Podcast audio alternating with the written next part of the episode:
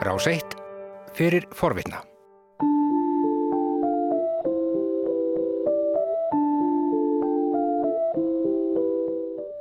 Myndlistin hennar, uh, hvað hún drakk með augunum og kom út í gegnum fingurnar á henni, uh, allt sem hún skrifaði og allt sem hún gerði, sendi postkort og, og fyrir utan að vera mm, lifandi segulband eins og hún saði stundum og var í sífellu að, að leita nýjum miðli eða leita sér leiða til þess að tjá það sem hana langaði til þess að tjá. Og það er líka svo fallet inn í þeim tíma sem hún er hún er að, að, að tala um var ekki alveg nógu ána með það sem var selt og átt að fara eins og til ferðamanna eh, túristabransan eins og væri sagt í dag. Henni fannst það meira minn allt rastl og því ekki að gera svona og svona. Hún hafði ymsar hugmyndur um það hvað mætti, hvað getur verið fallegt. Hún fagkeri allstar og, og let sig varða um þetta hafði skoðun á því og og um, skrifaði hugahönd og, og melkorku og já, hún var, hún var bara rosalega dögleikona og mikið strammaskald. Mikið stramma það er frábært orð. Strammaskald. En, en svo gatt hún til dæmis eins og eh, einhver staðar lætt hún hafa eftir sér hún hafa verið þrjú ára að, að, að við af, að sér þar sem hún þurfti í, í eitt, eitt ákveði verk. Og þá var það grunnurinn þessi litir, þessi litir. Og það fegst ekki. Og og hún sagði loksins var þetta allt komið og þá var ég nú ekki svo lengi að gera.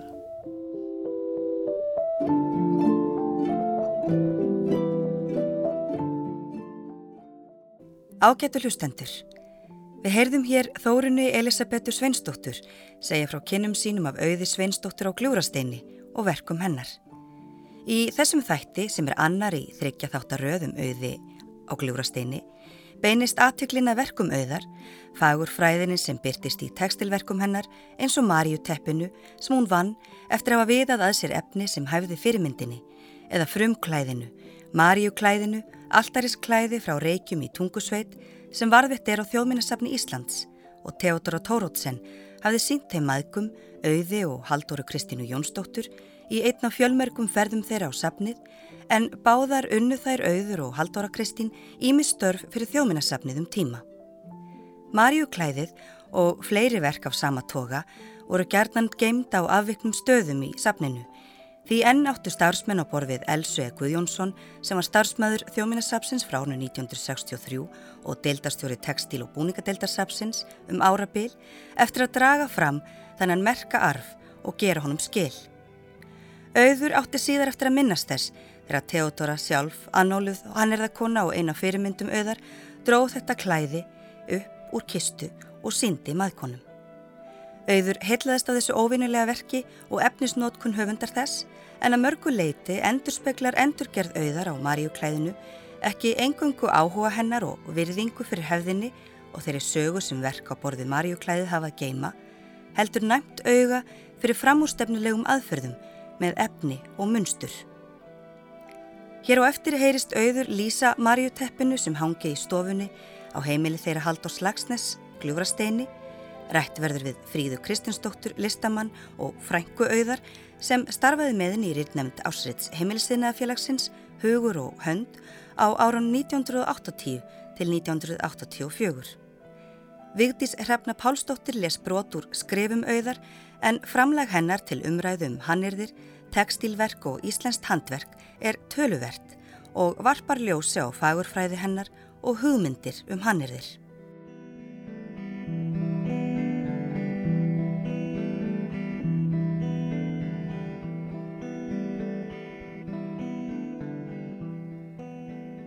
Það hafa alltaf verið til konur á Íslandi sem samið hafa útsaum sinn á sama hátt og málarar. Teppin eru oft gerð í vissum tilgangi, til að hilja gata á vegg jafnvel stundum, eða til gjafa þegar lítið er til að kaupa fyrir. Mér kemur í hug dæmi af Theodoru Tórótsen sem tók til handagags, gat slitinn og dálítið síkarettubrunnin silkislopp af dóttur sinni. Klifti hann niður í tuskur og saumaði svo tuskurnar niður á grunn með alls konar spórum og hingað og þangað saumaði hún frumsamdar vísur til áminningar fyrir dótturina. Einlitur kantur var eins og rammi utanum teppið. Þetta teppi notaði svo Katrín Tórótsen áfram til að leggja yfir sig, uns það var líka orðið að slitrum. Þannig var það þegar ég sá það síðast fyrir meira en 20 árum, en ég man varla eftir að hafa séð fallegri eða listrætni grip. Þessi lýsing auðar á teppi Teodor Tórótsen í greininni Vegtjöld sem byrtist árið 1974 í hug og hendi ber því glögt vittni að auður skinnjaði fegurðuna í aðferð Teodoru við gerð þessa teppis. Eins og svo mörg önnur verk hvenna í gegnum tíðina grundvallast það á nýttni að fá hverjum efnisbút, hverju pjötlu hlutverk en í meðfrum Teodoru verður til listrætt gripur, frumsaminn spór og vísur.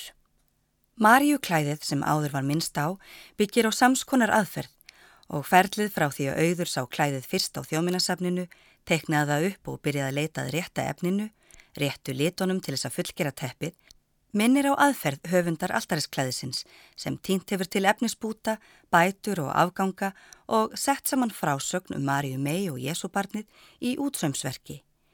En eins og margir þekkja sem fást við hannirðir, útsum, prjón eða vefnað, býða sumverk ákveðins tilefnis. Í kistlum og geimslum á oft finna ókláruð verk sem býða síns tíma. En tími Marju Teppis auðar Sveinsdóttur rann upp í ástlokk árið 1955.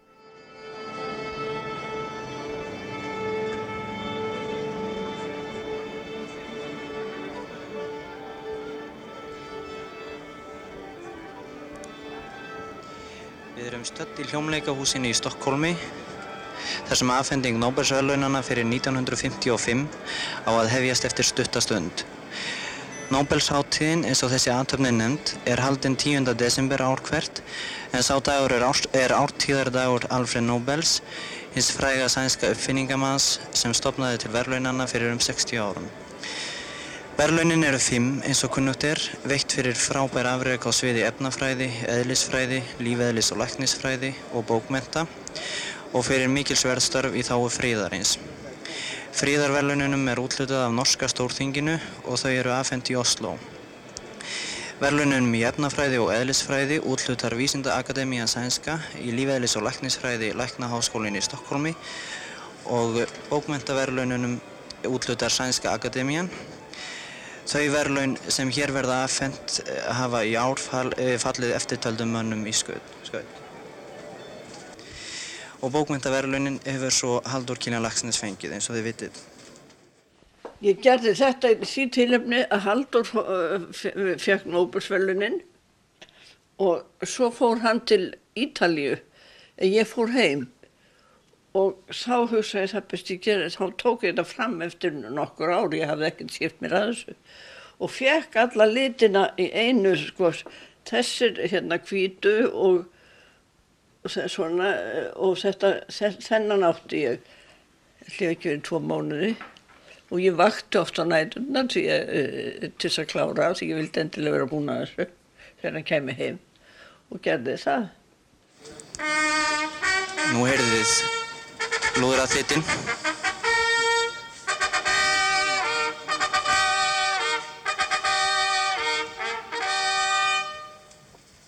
Það bara kemur bara strax upp í hugan þetta Maríuklæði sem mér er alveg útrúlega minnistætt eftir að vera upp í gljúrasteinu hjá auði og líka hérna að því hún fór aðeins í gegnum tilurverksins og hvar hún byrjaði og hvar hún leitaði fanga og svo framvegs í sambandi við eh, grunn og þráð.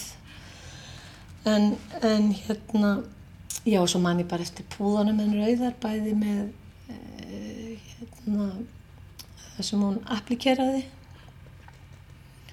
og notaði bæði róð og vefjarefni og saumaði kring með tunguspori svona, það, er, það er svona það sem kemur strax upp í hugan mm. og ég sé alveg fyrir mig sko stofun og það sem hún ræðaði þessum púðum sem var alveg sko ótrúlega fallir og mér er það í rauninni í barsminni ég mani hvað ég var hilluð af þessum púðum bara þegar ég kom inn í gljúrastein sem bann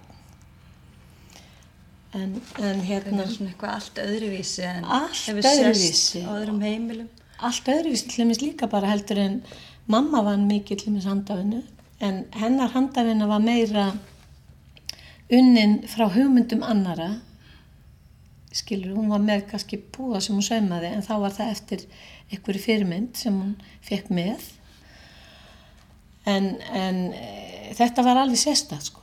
Já, Þann, þetta, var, þetta var svo óvennilegt og listrand og fælt. Eitthvað bara algjörlega nýtt og það hefur öruglega haft áhrif á mig líka og, og þetta, ég fengi inblástur að teikna og, og sauma eftir mínunum eigin mönsturum og það var það sem viðtis Páls, náttúrulega sem kennari minn í Kennó kend okkur, hún kend okkur mönstur teikningu og svo unnum við allt. Öll okkar vinna var eftir okkur frá grunni Þannig að allt þetta í bland hefur öruglega sko mótað svolítið hvað leiðir ég fór.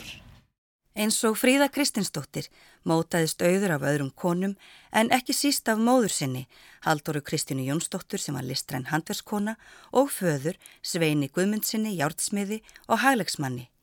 Í gegnum þau auðlaðist hún virðingu fyrir handverki og þeim hefðum sem láið því að baki. Allt í kringum auði var handversfólk aftur í ættir og sá jarðvegur sem hún spratt úr hafði ekki engungu áhrif á hana því sýstir hennar, Ástís Sveinsdóttir Tórótsen Gullsmiður, var einnig frumkvöðull á sínu sviði og þekkt fyrir að fara óheðbundnar leiðir í efnisnótkun á samt því að vera virkur þáttakandi í innleðingu nýra viðþorfa mótinismanns í sínum verkum. Á mótunar árum auðar tóku hugmyndir um konur og möguleika þeirra örum breytingum eins og má meðal annars greina í íslenskum bókmyndum fjörða áratugurins en í upphafi hans skrifaði Þórun Elva Magnúsdóttir eftirminnilega um dætur Reykjavíkur, ungar íslenskar nútímakonur sem höfðu á sér annað yfirbræð en þær kvennmyndir sem áður höfðu byrst á vettfangi íslenskra bókmynda. Nýjar hugmyndir setja marksitt á tímabilið, liðveldið Ísland verður til og verkefni þeirra sem börðust gegn menningarlegri íhaldsemi sem einkendi íslensk menningarstjórnmál á tímabilinu var ærið. Auður er í hópi þeirra sem kröfðus breytinga en hún stóð á samt fleirum í framvarðasveit íslenskra kvenna sem börðust fyrir kvennfrelsi og áhrifum kvenna á upphafs árum íslenska liðvildesins. Hún tók meðal annars þátt í stopnum tímaritsins Melkorku sem hafið það markmiði að vekja íslenskar konur til umhugsunar og íhlutunar um menningar og þjóðfélagsleg vandamál á innlendum vettfangi eins og stendur í reittstjórna pisli þeirra Nönnu Ólafsdóttur og Þóru Viffosdóttur sem stóðu að blaðinu. Melkorka verður auði einni mikilvægur vettfangur til þess að skrifa um hannirðir og stöðu þeirra í nútímanum og leið til þess að tjá líf og umhverfi íslenskra kvenna í útsömi. Frá árnu 1945 skrifaði auður reglulega í Melkorku og fleiri prentmiðla. Í júni 1949 sendi hún frá sér merkilega grein um þróun íslenskra hannirða, hannirðir í nútíma skilningi. Þrátt fyrir handavinu áhuga íslenskra kvenna og mikil afköst er listgildi ekki að sama skapi. Hæst kemst smekkurinn í litavali og munstri þegar stælt er eftir gömlum íslenskum dúkum sem geimdir eru á þjóðminjasafninu og nokkrum erlendum söpnum. Það er ágætt að fólk skuli vera farið að hafa áhuga fyrir aldagamalli íslenskri yðju, hver sem hún er. Of mikið af öllu má þó gera. Nú er bráðum svo komið að þær fáu gömlu fyrirmyndir sem til eru sjást allstaðar. Því fer þó fjari að ég vilji ráða fólki frá að sækja hugmyndir á þjóðminjasafnið. Öðru nær, farið þangað sem oftast. Þið munuð alltaf sjá eitthvað nýtt og sannfærast um að Íslenskt kvennfólk hefur lagt drjúan skerf til sapsins og á mikinn þátt ekki aðeins í munsturgerð heldur og allri eldri myndlist okkar.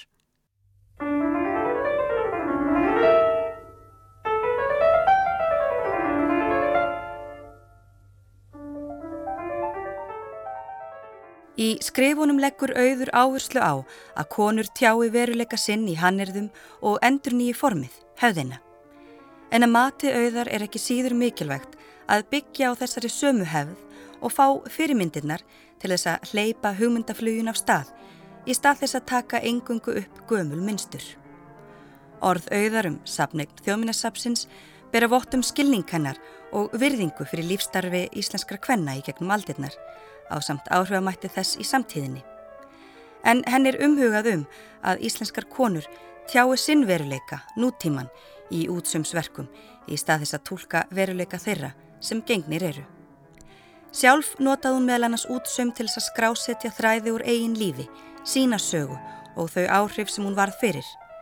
Púði sem varðvittur er á gljúrasteini og auður nefndi Landaparís er gott dæmum þetta en verkið felur í sér æfisögulegan þráð og varpar skýru ljósi á hlutverk auðar í endurníun hefðarinnar og hæfileika til þess að skálda með nál og þræði. Landaparís saumaðu auður eftir eigin munstri en áhrifa gætir í munstrinu frá móturnískum verkum í kúbiskum stíl. Auður kefti þráð og stramma í púðan Landaparís í fyrstu fersinni með haldori til Parísar árið 1948. En í sömu ferð sótt hún síningu Picasso og Verk de Provence í Galeri Louis Leiry í París. Af formunum sem koma fyrir í landa París að dæma hefur auður orðið fyrir áhrifum af verkum Picassos. En í útsömnum skráir hún þá upplifun og þau áhrif sem hún varð fyrir í þessari fyrstu ferðsinni til Parísar. Landa París er aðeins eitt dæmi um verk eftir auði þar sem frumsamið munstur kemur fyrir.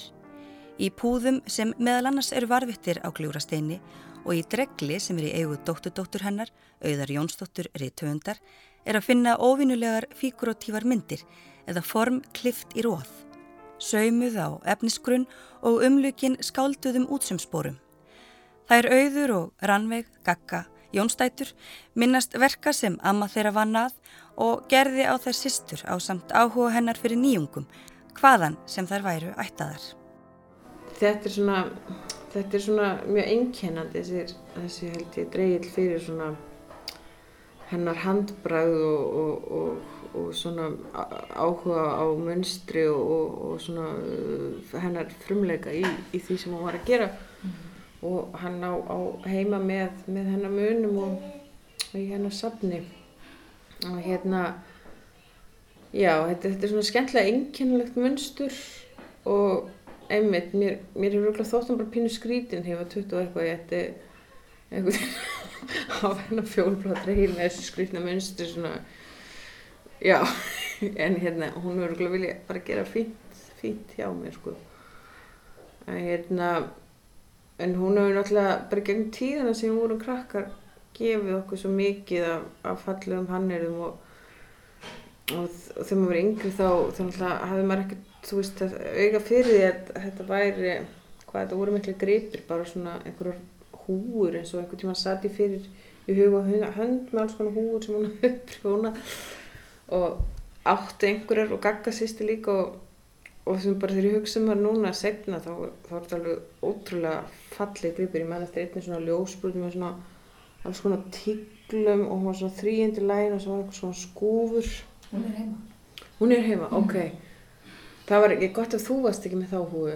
Ég, hérna, þú varst líki í þessari myndatöku í hugahönd og hérna þetta, þetta blaði líka alveg til og, og hérna og svo var hún líka svolítið mikið fyrir að gera svona nútíma útgafa af svona skúfhúu, duna kann á gammir einu svona, hún gerir þessar stundum í dag og þá er alls konar litum og svona nútíma versjón af hérna hvað ég... Skotthúfunni. Skotthúfunni. Já, já og hérna, já alls konar svona, það var svo mikið leikur í því sem hún var að gera, hún var að taka eitthvað gamalt og leika og, og fylla það af nýju lífi. Mm. þannig að hérna hún hefur verið svolítið svona kannski bara svona svona tónlistamæður sem tekur eitthvað verk og setur það í sína tólkun sko, eða þú veist hún, hún var að taka eitthvað font og endur líka það og tólka það. Og hérna og svona setja sitt handbrað á það. Mm. og uh, sko, ætlaði að prjóna einhver ógrín á lopapissum á okkur sískininn og það voru frænd okkar í, í esku.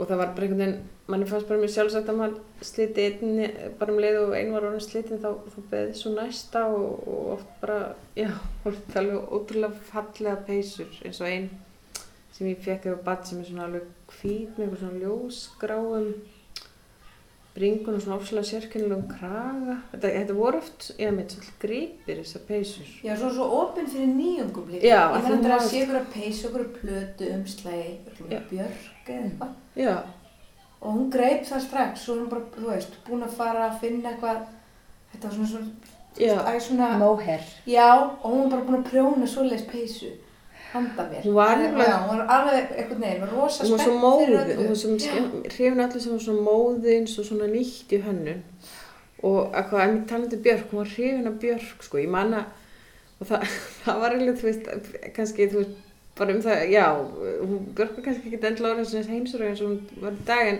ég man hún hengdi plaggat inn í herbygginu mín af Það Björk, er henni, ennþá. hún er ennþá, henni hefur þótt Björk, sko, Já, svolítið smart. Þetta var eitthvað skemmtilegt. Og Það hérna, var hún er svona- það var Mjög gaman að þessu. Já, og einmitt þegar ég hugsa um dag þá hún örgulega bara undan mér að til björk eða eitthvað, eða þú veist, hún var mér svona rosa nef fyrir, fyrir því sem að svona, hún er svolítið skemmtilegt. Og oft þegar við tölum um hana, þá tölum við líka um hvað hún var móðins og hafði gaman öllu sem var nýmóðins. Og hún, einmitt, ef hún kom inn í hús þar sem það var svona kannski ný og jafnvel svona minimalistísk hönnun, fannst þetta það mjög skemmtilegt og, allt, allt svona sem að var svolítið svona, það sem greinlega var lagt svolítið í, í hönnunina. I find myself out gazing at stars,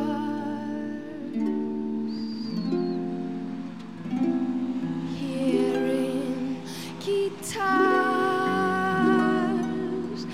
like someone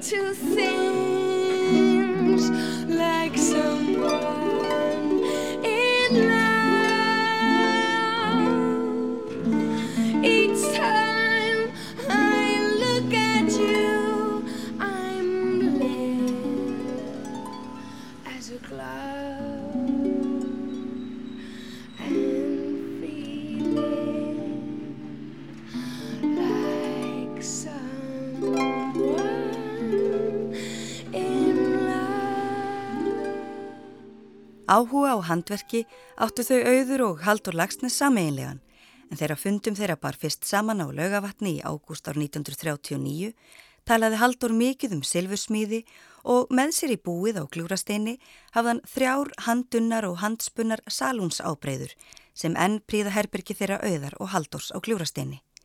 Í verkum Haldurs má við að finna aðteklisverðar lýsingar á hverskins handiðn en árið 1974 byrti hann greinina Handverkið, upphaf og endir listar í reitgerðarsafninu Þjóðháttíðarollu. Sama grein byrtist í hug og hendi í reitnemndartíð auðar sem sat í reitnemnd ásreitsins á áran 1971 til 1984. Haldur tekur aðgreininguna milli listar og handverks til umfjöllunar í greininni en hvað það er sem skilur handverkið frá hinnum fögru listum vekur enn upp spurn og er jafnvel viðfónsefni listamanna sem veltum leið fyrir sér mörgum opinberra listhefðar, karlægrar og kvenlegrar listar. Ég held að yfirleitt megi segja að list sé allt verk þar sem mannshöndin er í snertingu við smíðisefnið að handverk væri einu sem miðli. Ef þetta þrent samverkar hvað öðru, hrærast öll mannleg vinnubröð svo sem af sjálfu sér í lögmárum listarinnar. Hvort heldur verið er að smíða einfaldan búslut eins og ask eða spón, klifbera höld eða sylgju, ellegar fítni handýðir eins og að sauma vegtjöld, vefa salún eða gera skartgripi. Sama viðhorf og greinamá í orðum Haldós byrtist í skrifum auðar sem áður hefur verið vitna til í þættinum en hún sér hannirðir kvenna í samingi við íslenska myndlist og gerir það stigveldi sem einkjent hefur viðhorf og umræðu um verk kvenna á sviði hannirða og eða handverks síðan á fyrirluta 20. aldar að engu. Í sögulegri greiningu Önnu Lenu Lundberg um stöðu útsöms frá aldamótonum 1800 og fram yfir aldamóti 1900 kemur fram að við lok átjándu aldar fjall útsömmur undir list með kvenlegu yfirbræði en við upphaft 20. aldar hefur þetta kvenlega yfirbragð aðskilið útsömmin frá listinni. Aug skrifa auðar Sveinsdóttur í blöð og tímaritt skildu hún eftir sér texta í formi textils. Klæði, vegteppi, tekningar, munstur og svo framvegis eru hennar listrænu skrif og ekki síður mikilvægt framlega en bókmyndaskrif Eymansins Haldur Slagsnes í þeim skilningi að í þeim er hefðin endurnýð og brautin rutt fyrir nýjar leiðir í vinnu með textil. Í gegnum textilin gerði auður tilraunir með form og efni, auk þess sem hún þróaði þá fagurfræði sem einkendi verkanar og innviði heimilisins að gljúrasteini. Það er aðteglisvert að í skrefum sínum, sem vitna var til hér að framann, setur auður hannirður kvenna í sapni þjóðminnasapsins í samingi við íslenska myndlist, en lítur ekki á þessi verk í ljósi þess stigveldis sem síðar átt eftir að einkenna viðþorf og umræðu um verk kvenna á sviði hannirða eða handverks. Rétt rúmum 20 árum eftir að greinin Hannirðir í nútímaskilningi byrtist í Melkorku vann auður til veluna í hekl og prjónasamkeppni Álafoss árið 1970.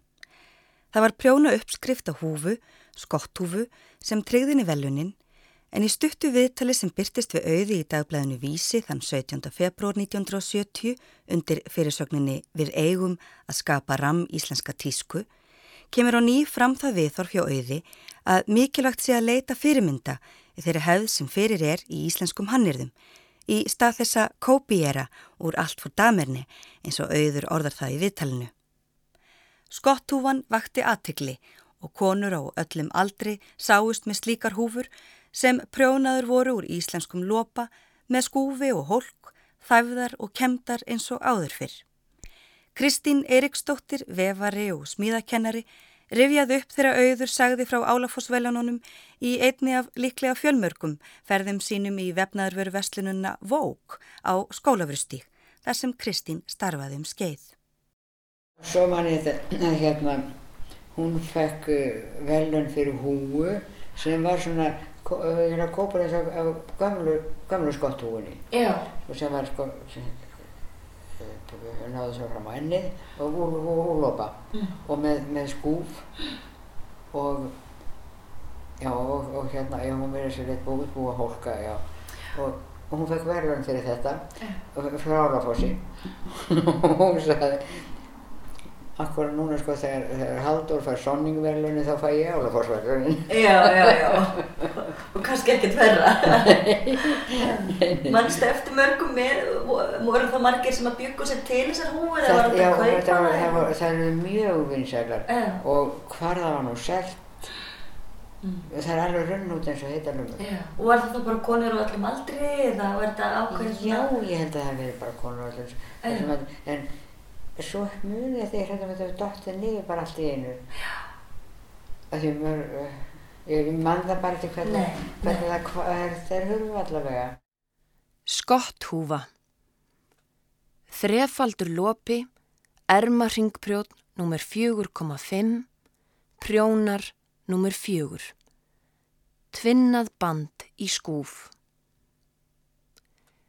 Fytjið upp 72 lykkjur á ermaringprjónin. Prjónið tvær umferðir, eina slétta, eina brugna, síðan slétt prjón þanga til komnir eru nýju sentimetrar frá byrjun. Þá er skipt yfir á fjóra prjóna, átján lykkjur á hvern prjón og tekið úr þannig að prjónaðar eru tvær saman á enda hvers prjóns aðra hvora umferð þangað til tíu eru eftir á hverjum prjóni. Síðan eru prjónaðir þrýr til fjórir sentimetrar án úrtöku og svo aftur tekið úr á enda hvers prjóns aðra hvora umferð þangað til fimm eru eftir á hverjum prjóni. Aftur prjónaðir fjórir sentimetrar án úrtöku og síðan teknar tvær saman á enda hvers prjóns og prjónaðir 1-2 cm án úrtöku og enn teknar tvær saman í miðjum hverjum prjóni, þanga til þrjár eru eftir á hverjum prjóni. Prjónaður 1 cm og felt af. Gengið frá endum með stoppunál, húfan þvegin og þæfð dálítið. Þegar húfan er þurr er hún kempt upp með öllarkömpum eða hörðum nælonbursta. Skúfurinn kliftur cirka 15 cm úr heilli hespu. Hólknum smokkað upp á húfuendan, stórri tölu stungið inn í skúfin, annarkvort yfirdektri með nælonsokk eða þrætt í hana band sem stendur upp úr skúfnum. Síðan vafið fast utanum skúfendan og tókað í bandið sem þrættir í gegnum töluna svo hún spyrni vel við hólknum. Skúf og húfuenda fest vel saman og hólknum þrýst yfir samskeitin.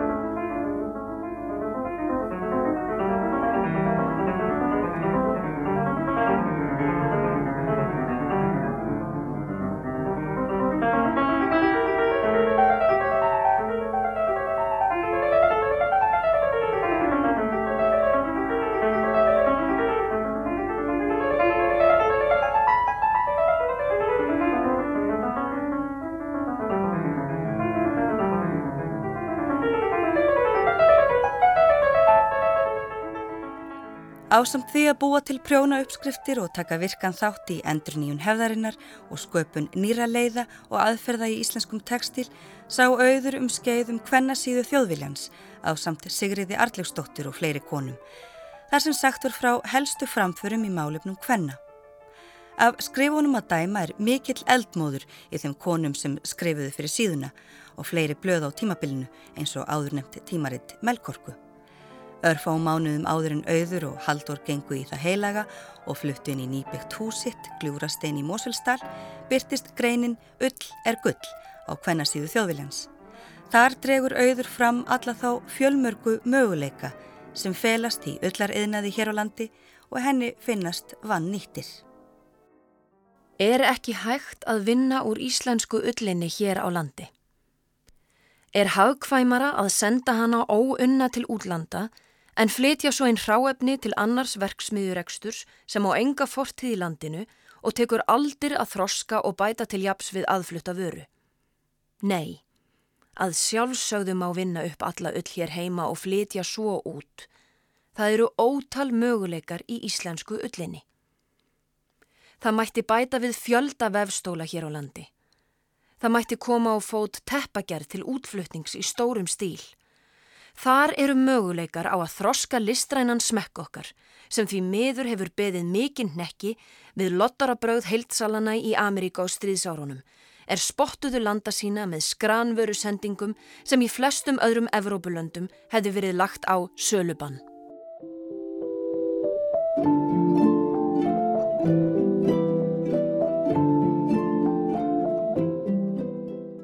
Í gegnum endurminningar auðar sem byrtust í viðtalsbókinni á Gljúrasteini sem Edda Andrisdóttir tók saman og kom út ár 1984 og önnur skrif hennar byrtist okkur stefnuföst kona sem aðheltist rótækar hugmyndir og tók virkan þátt í því að knýja fram breytingar á hlutskipti og hlutverki kvenna. Bar virðingu fyrir íslensku handverki og leit sömu augum á hannirðir og aðra myndlist. Í næsta þætti og þeim síðasta í þessari þryggjatháttaröðum auði Sveinsdóttur verður áfram fjallað um verkennar og áhrif í samingi íslenskra hannirða og vikið að síningu á vegum Sapsins Glúrasteins hús Skáldsins þar sem dregin verða fram verkauðar, æfi hennar og ferill. Takk fyrir að hlusta, verði sæl.